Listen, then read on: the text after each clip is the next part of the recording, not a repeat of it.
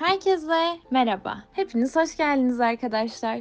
UPÖ'nün Turuncu Dünyası'nın kaleme aldığı Plasebo dergisinin tema konulu yazılarının seslendirmesiyle sizinleyiz. Keyifli dinlemeler.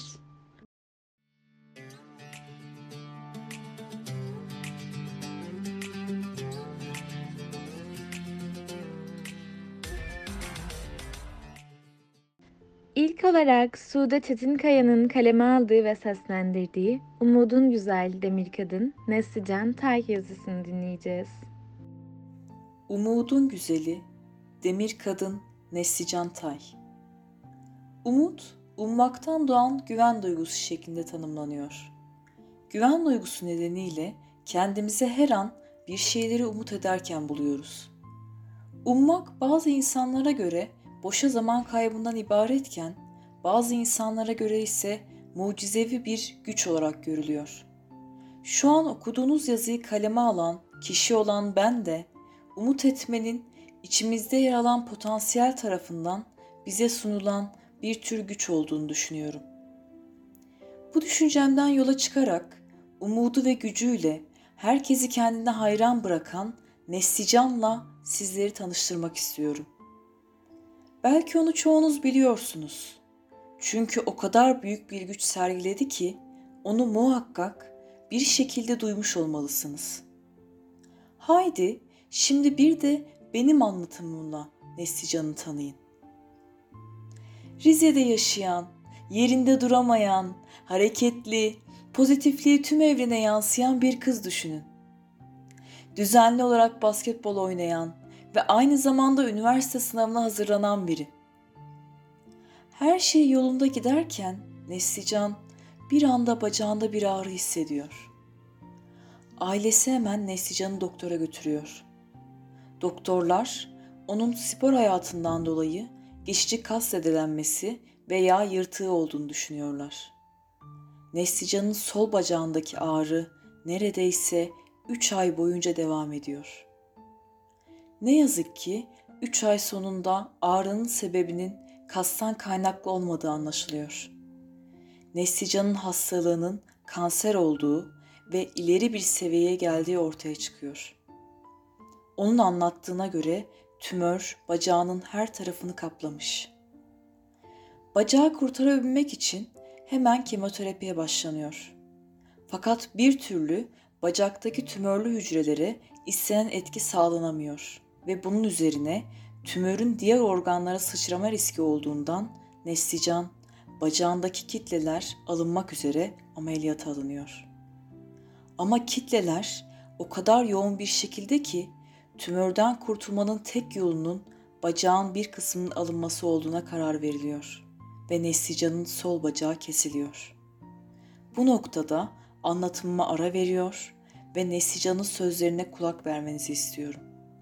Ameliyata girmeden önce bacağımdan kitlelerin alınabileceğine ve bacağımın benimle kalacağına o kadar inanıyorum ki.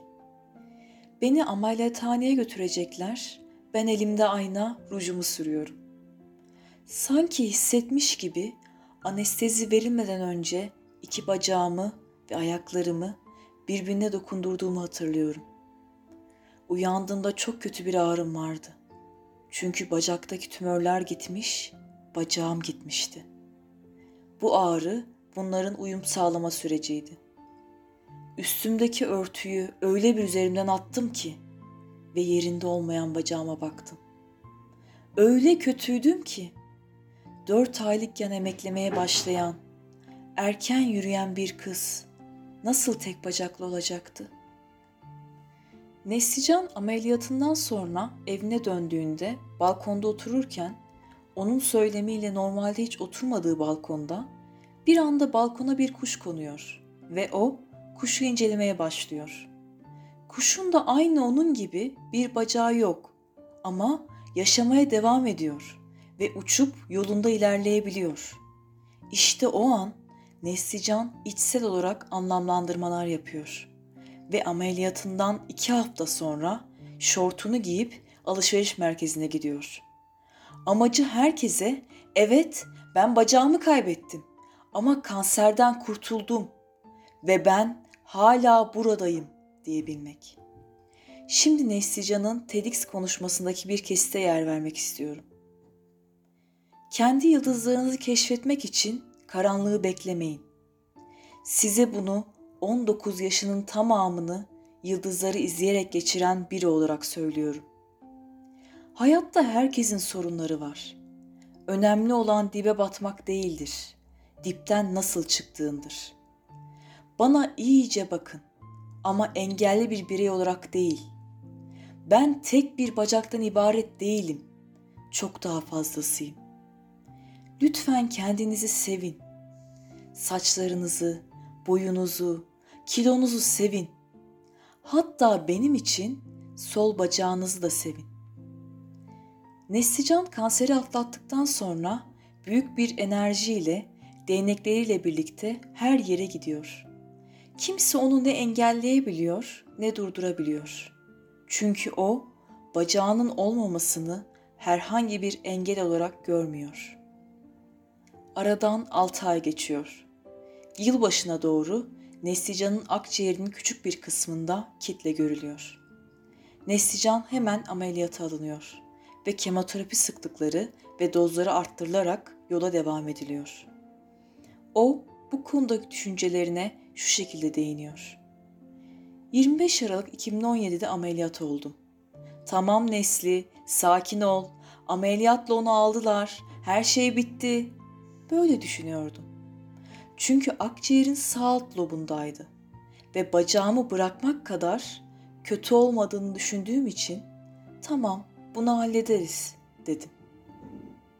Bir süre sonra uzun süre ağır dozlarda olan bir kemoterapi süreci uygulandığından bu kemoterapi süreci biraz hafifletiliyor. Bu arada Nesli paylaşımlarıyla birçok insana ilham oluyor. Farklı platformlarda konuşmalar yapıyor. Özellikle TEDx platformunda yaptığı konuşma o kadar etki uyandırıyor ki çoğu insan onu bu platformda tanıdı diyebilirim. Sanırım Neslican'ın bu kadar pozitif, güçlü ve umut dolu olması bolca sınanmasını gerekli kılıyordu. 6 ay sonra 28 Haziran 2018'de Nesli'ye kanser üçüncü kez geri döndü. Fakat ne yazık ki akciğer zarı ve kaburga kemiklerinde yer alan kitleler bu sefer ameliyatla alınabilecek düzeylerde değillerdi. Nesli bunu öğrendiği an düşüncelerini şu şekilde aktarıyor. Kabul etmem zor oldu. Bütün gece ağladığımı itiraf edebilirim. Çünkü öyle bir şey ki bazı kanserler size 5-10 yıl zaman tanır. O yıllar içinde hayatınızda ikinci bir şansınız olduğunu düşünürsünüz. Benim kanserim bana o zamanı bile tanımamıştı. 6 aylık periyotlarla üçüncü kere gelmişti. Evet belki kaybedeceğim dedim. Belki de bu benim hayatımı elimden alacak. Ama hayır, benim devam etmem gerekiyor. Evet belki kanser çok kötüydü, inatçıydı ama ben daha inatçıydım. Hayatta kalmak istiyordum. Yalnızca 20 yaşındayım ya dedim. Hiçbir şey yapmadım daha. Yapmak istediğim bir sürü şey varken hayattan vazgeçmek istemedim. Dört elle tekrar sarıldım. Süreçler devam ederken Neslican üniversite sınavına giriyor. Bahçeşehir Üniversitesi psikoloji bölümünü kazanıyor.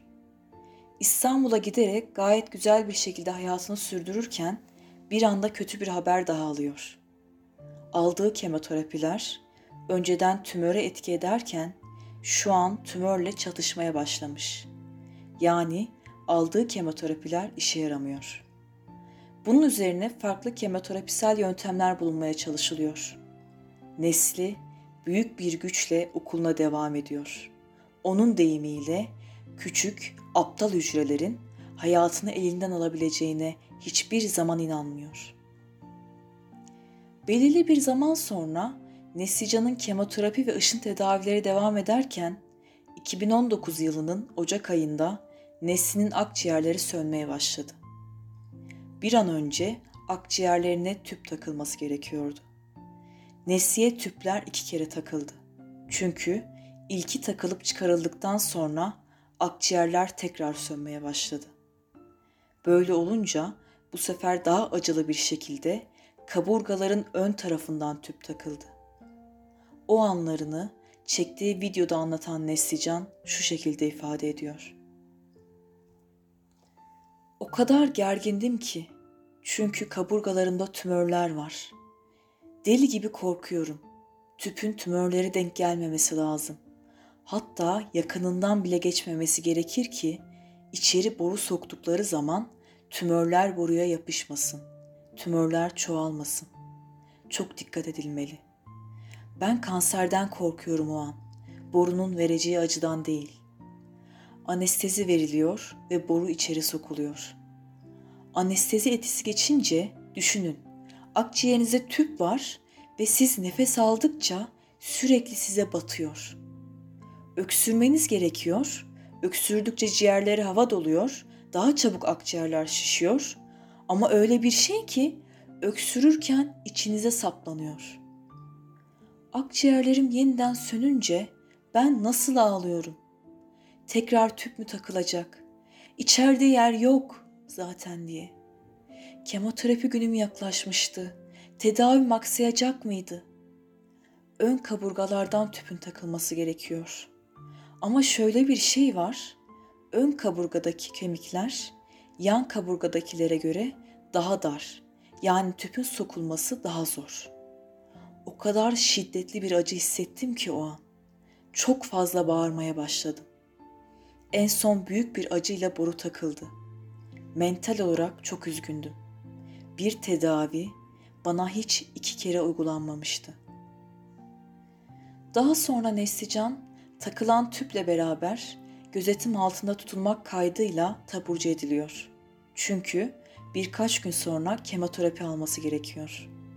Kemoterapiden sonra günleri tüplerle ciğerinin sönme ihtimalini beklemekle geçiyor. Ne yazık ki akciğerleri üçüncü defa sönüyor ve doktorlar ameliyatta karar kılıyorlar. Ameliyattan sonra akciğerin şişmesi için Neslican bir süre makineye bağlanıyor ve daha sonra akciğerine yeterli hava dolumu sağlanıyor. Şimdiye kadar anlattıklarımdan gördüğünüz üzere maalesef hayat Neslican'ın tüm gücüne resmen karşı durmuş. Ama son darbesini dördüncü kansere saklamış. Böyle olunca kemoterapiler arttırıldı. Neslican'ın kan değerleri düştüğü için 5 saat süren bir kanaması oldu. Kanın pıhtılaşmasını sağlayan trombosit sayısında düşme olmuştu ve Nesli vücudundaki kanının yarısını kaybetmişti. Sevenlerinin büyük desteğiyle Neslican için bolca kan bağışı yapıldı. Daha sonra tümör akciğerde olduğundan defalarca kez akciğerleri su topladı. Sayısızca ameliyat geçirdi. En son öyle bir şey oldu ki Neslican'ı ciddi anlamda etkiledi. Kemoterapiyle küçülen tümörleri tekrar büyümüş ve kemoterapiyle aldığı ilaçlar tümörlerine etki etmemeye başlamıştı. Doktorlar bir süre kemoterapiyi bırakmayı denediler. Fakat Neslican yumuşak doku kanseri, sarkom olduğu için en etkili yöntem sadece kemoterapiydi. Yeniden farklı ilaçlarla kemoterapiye başlandı. Nesli'nin 2 Eylül 2019 tarihinde paylaştığı video o dönemde sevdiklerini üzmüştü. Kemoterapilerin hepsi başta olumlu yanıt verdi. Fakat sonra maalesef kanser tekrar nüksetti. Bu yaşadığım kaçıncı nüksetme ya da metastaz artık sayamıyorum. Ciğerlerim berbat durumda maalesef. Bunları kabul etmem çok zor oldu. Gerçekten iyileşeceğime çok inanıyorum. İyileşmeyeceğimi bir gün bile düşünmüyorum. Ama iyileşirken bunun acılı yollardan olması gerçekten beni çok yıpratıyor. Getirdiği bir sürü kötü şey var. Bunları yaşamayı gerçekten artık istemiyorum. Ama onunla savaşmam için, hayatta kalmak için bunu yapmam gerekiyorsa kemoterapi alacağım ve devam edeceğim. O kadar sinirlendim ki. Sonra karar verdim. Ne oluyoruz ya? Bu kadar ileri gidemezsin. İki adım attığımda veya çok konuştuğumda nefesimi kesemezsin.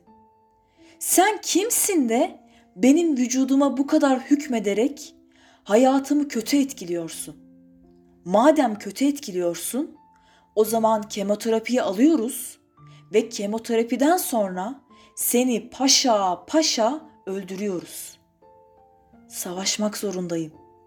Çünkü hayatta kalmak istiyorum. Evet, acılı olacak. Yine bir sürü şey yaşamak zorunda kalacağım. Ama hiç umurumda değil. Yaşamayı çok istiyorum ve bunun için ne gerekiyorsa yapacağım. Son kararım bu. Çok çalışıyorum ve ben kazanacağım. Asla başkası değil. Alınan kemoterapiler istenen tepkiyi vermiyor ve akciğerler su toplamaya devam ediyordu. 15 Eylül 2019'da Neslican hastaneye kaldırıldı. 5 gün boyunca yoğun bakımda kaldı. Fakat 20 Eylül 2019 tarihinde yapılan tüm müdahalelere rağmen hayata veda etti. Evet, sizlere paragraflarca güçlü bir kadının hikayesinden bahsettim. 19. yaşından 21 yaşına kadar 3 kez kanseri yenen ve dördüncüyü yenmek için de tüm gücünü veren bir kadının hikayesi. Onun son anına kadar içinde beslediği umudu hissedebiliyor musunuz? Bacağını kaybetti, saçları döküldü, defalarca yüksek dozlarda kemoterapi aldı, akciğerleri su topladı ve söndü. Bu saydıklarımı aklınızdan şöyle birkaç saniye geçirmenizi rica ediyorum. Daha gençliğinizin başındasınız, yaşamak için adeta çırpınıyorsunuz. Bunlar yetmezmiş gibi başka kalplere de dokunmak, onlarla içinizdeki gücü paylaşmak için çabalıyorsunuz. Lütfen Nesli'nin hala aktif olan Instagram hesabını, o hesaptaki paylaşımlarını ve YouTube kanalını incelemeyi bir deneyin. Her videonun sonunda videoyu izleyen insanlara seni seviyorum ve unutma sen çok değerlisin diyen bir kalpten söz ediyorum. Neslican kendisi gibi zorluklarla mücadele eden yüzlerce insana umut, rol model oldu. Bu hayatta kalmak için elinden gelen her şeyi yaptı. Ve lütfen onun kaybettiğini düşünmeyin. Bazı melekler vardır. Hiçbir zaman yaşadığımız bu dünyaya sığamaz, ait olamazlar. Onların farklı bir güzellikleri, enerjileri vardır. Neslican da onların en güzel örneklerindendi. Çoğu insana göre hayatı daha kısa sürdü ama değerli ve umutlu bir insan olarak yaşadı. Umudun güzeliydi Neslican Tay.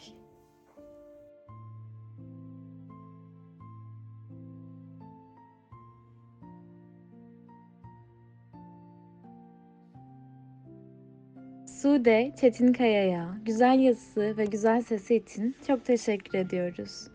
Şimdi ise Ahmet Çetiner'in kaleme aldığı Seray Uluağaç'ın seslendirdiği Umut ve İnsanı Onaran Yönü isimli yazıyı dinliyoruz. Umut ve insanı onaran yönü. Umut kavramına baktığımızda tanımlamalarından ziyade bizim hayatımızda ne ifade ettiği, yerinin ne olduğu, umudu ne şekilde kullandığımız gibi başlıklarla öne çıktığını söylesek yanlış olmaz. Öznel değerlendirmelerimiz umudun anlam kazanmasında daha önemlidir. Umut dinamiktir. Yaşamımızın her döneminde farklı şekilde karşılık bulabilmektedir. Tarihin farklı dönemlerinde bu çerçevede birçok tanım ortaya çıkmıştır. Konuya geliştirdiği umut teorisi çerçevesinden bakacağımız Snyder, umudu şu şekilde tarif etmektedir. Umut, arzu edilen amaçlara ulaşmak için farklı yollar bulma ve bu yolları kullanmak için kişinin kendini motive etmesidir. Şüphesiz ki umut, insan ruhunun şekillenmesinde en önemli rollerden birini oynamaktadır. Umut düzeyimiz bizim nasıl bir birey olacağımızı büyük oranda etkilemektedir. Umut edebilmek çoğu zaman bilişsel alanımızın en büyük destekçilerinden birisi gibi değerlendirilebilir. Zihinsel süreçlerimizin faydalı bir ilerleme kaydedebilmesi, umut kavramını ne derecede etkili kullandığımıza bağlıdır. Var olmanın hissedilebilmesi, bir canlılık halinde olmamızı etkileyen bireysel duygular dışında da birçok faktör bulunmaktadır. İçinde bulunduğumuz ortam, yaşam koşullarımız ve toplumsal ögeler duygu durum hallerimizin hepsini olduğu gibi bizim için umudun ne ifade ettiğini de etkilemektedir. Bu yaşam ve çevre etkileşiminde yaşadığımız birçok olumsuz durum umut kavramımızı etkisiz duruma getirebiliyor. Yüzleşmek istediğimiz bu olumsuzluklar bizi çoğu zaman karanlık duygulara ve çaresizliğe itiyor. İşte böyle noktalarda umut bizim çözüm yolu bulabilmemizi, cesaretlenmemizi ve hedeflerimize doğru yolculuk yapabilmemizin en büyük motivasyon kaynağı rolünde oluyor. Umutsuzluk hissettiğimiz durumları biliriz. Genel çerçevede bir mutsuzluk ve çaresizlik hali, devamında yaşama isteğindeki eksiklik, sosyal yaşamda ilgisizlik, problem çözmeye karşı isteksizlik, kararsızlık hali ve hayallerimizin gölgelenmesi gibi yaygın semptomlar gözleriz. Rick Snyder'a göre umutlu bir düşünce halinin bu durumlara karşı bize kazandırdığı durumları şöyle özetleyebiliriz. Umutlu bir düşünce yapısında olan birey kendini motive etmekte. Hedeflerine ulaşmak istediğinde becerilerini sorgulamayı ve yeterli olduğunu düşünebilmektedir. Zorlandığı dönemlerde geleceğe yönelik iyimser fikirleriyle olumsuzlukları yatıştırabilecektir. Tıkandığı durumlarda farklı yollar çizebilecektir. Gerçekten bir imkansızlık ile karşılaştığında çözümü hedefi değiştirerek veya zor bir işi parçalara ayırarak çözüm bulabilecektir. Umut kavramına dair bu tespitlerden sonra ortaya çıkan bazı sorulara özellikle bakmak gerekiyor. Umut geliştirilebilir mi?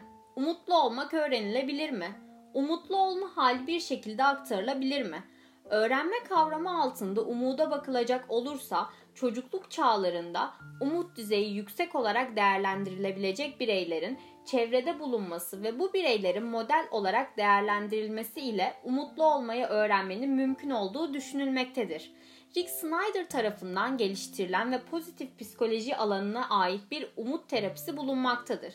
Bu terapi yöntemiyle danışanların olumlu, hedefe yönelik ve umutlu bireyler haline gelmesi amaçlanmaktadır. Umut terapisi, danışanların yaşam koşulları içinde hedeflerinin belirlenmesi, hedeflerine ulaşabilmek için alternatif yollar keşfedebilmeleri ve iç güvenlerinin artırılmasına yardımcı olmayı hedeflemektedir. Terapide danışandan beklenen ve istenen belirli süreçler vardır.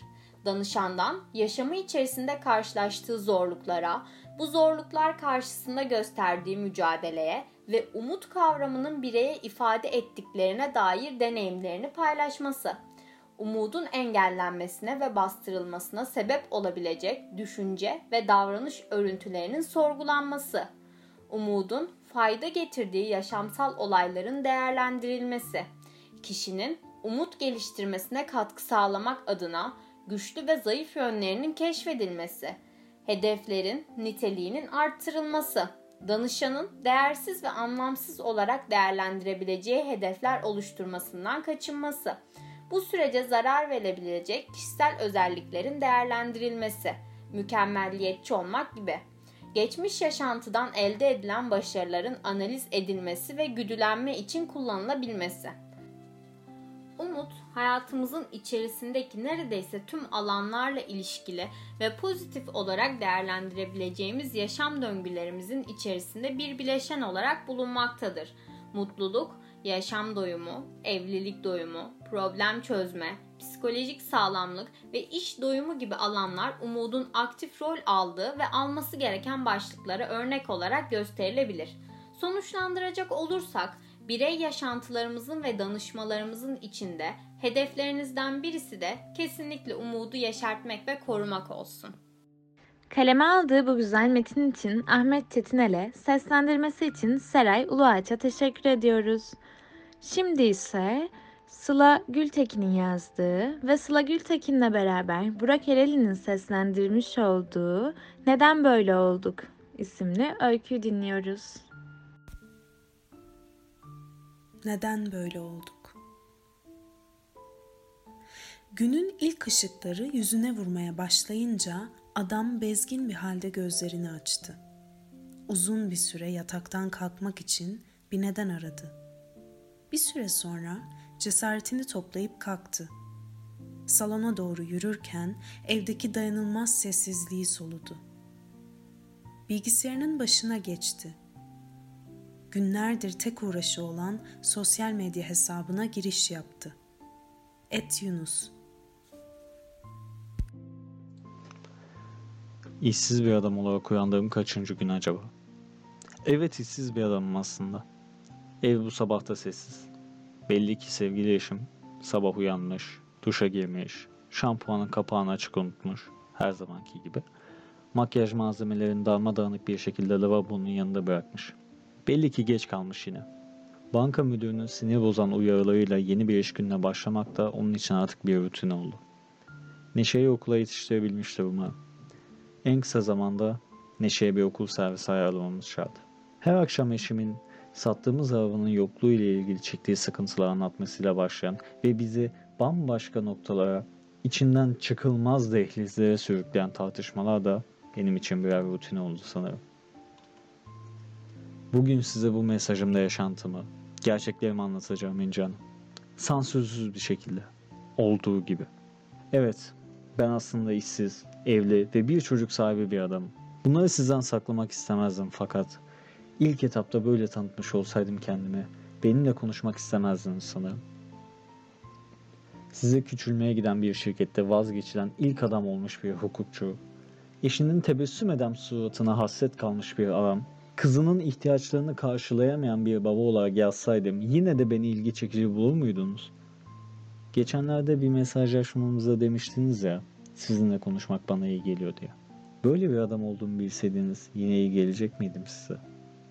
Belki böyle bir adam olmasaydım eşim de tebessüm ederdi bana yeniden. Belki ona da iyi gelebilirdim. Ne yazık ki ona iyi gelemem. Çünkü ben böyle bir adamım. Bu yazdıklarımdan sonra size de iyi gelemeyeceğim sanırım. Bana neden yazıyorsunuz İnci Hanım? Bana evli olduğunuzu söylemiştiniz. Siz de eşinize iyi gelemiyor musunuz yoksa? Ona tebessüm edemiyor musunuz? Dışarıda yağmur yağmaya başladı. Eşimle evliliğimizin ilk yıllarında yağmur yağdığı akşamlar bizim için müthiş bir sohbetin başlangıcıydı. Elimizde kadehlerimiz, biraz o anlatırdı, biraz ben. Gelecekten beklentilerimizi, hayallerimizi, değerlerimizi birbirimize anlatırdık birbirimize. Bilemezdik o zamanlar geçim sıkıntısının belimizi bükeceğini. Para kazanma uğruna hayallerimizden vazgeçeceğimizi ve bambaşka insanlara dönüşeceğimizi bilemezdik. Eskiden hayallerimizden bahsederdik. Şimdi ise gerçeklerimizden bahsediyoruz. Belki de o yüzden iyi gelemiyoruz artık birbirimize. Ben hukuk okurken dünyayı değiştireceğimi zannederdim İnci Hanım. Adaleti sağlayacağımı zannederdim. Bir başıma. Bugüne kadar yaptığım tek şey ise para kazanmak uğruna sahtekarlıklara kılıf uydurmak. Ben böyle bir adam olmak istemiyordum İnci Hanım. Keşke zamanı geri alabilsem. Eğer zamanı geri alabilsem yine böyle bir adam olur muydum? Bilmiyorum İnci Hanım. Yaptığım tek şey evde pineklemek. Bu sosyal medya hesabı uydurma bir hesap. Yunus benim olmak istediğim fakat olamadığım bir adam. Size yalan söyledim. Aslında benim adım Necati. Ben neden böyle oldum? Eğer benim adım Yunus olsaydı bana yeniden tebessüm eder miydin İnci? İnci. Biz neden böyle olduk? Necati mesajı bitirdiğinde koridordan anahtar sesi geliyordu. Hızlıca mesajı gönderip koridora doğru seslendi. İnci. Sen mi geldin? İnci ayakkabılarını gelişi güzel bir şekilde portmantonun yanına fırlatırken sinirle cevap verdi. Evet Necati benim. Kim olacak başka? Neşe yine geç kaldı bugün okula. Necati hızlıca İnci'nin sözünü kesti. İnci. Dışarıda yağmur yağıyor. Birkaç kadeh bir şeyler içelim mi? Başarılı yazısı ve seslendirmesi için Sıla Gültekin'e, seslendirmede Sıla'ya eşlik eden Burak Ereli'ye çok teşekkür ederiz. Bu yolculukta size eşlik etmeye çalıştım elimden geldiğince. Umuyorum ki keyifle dinlemişsinizdir. Görüşmek üzere.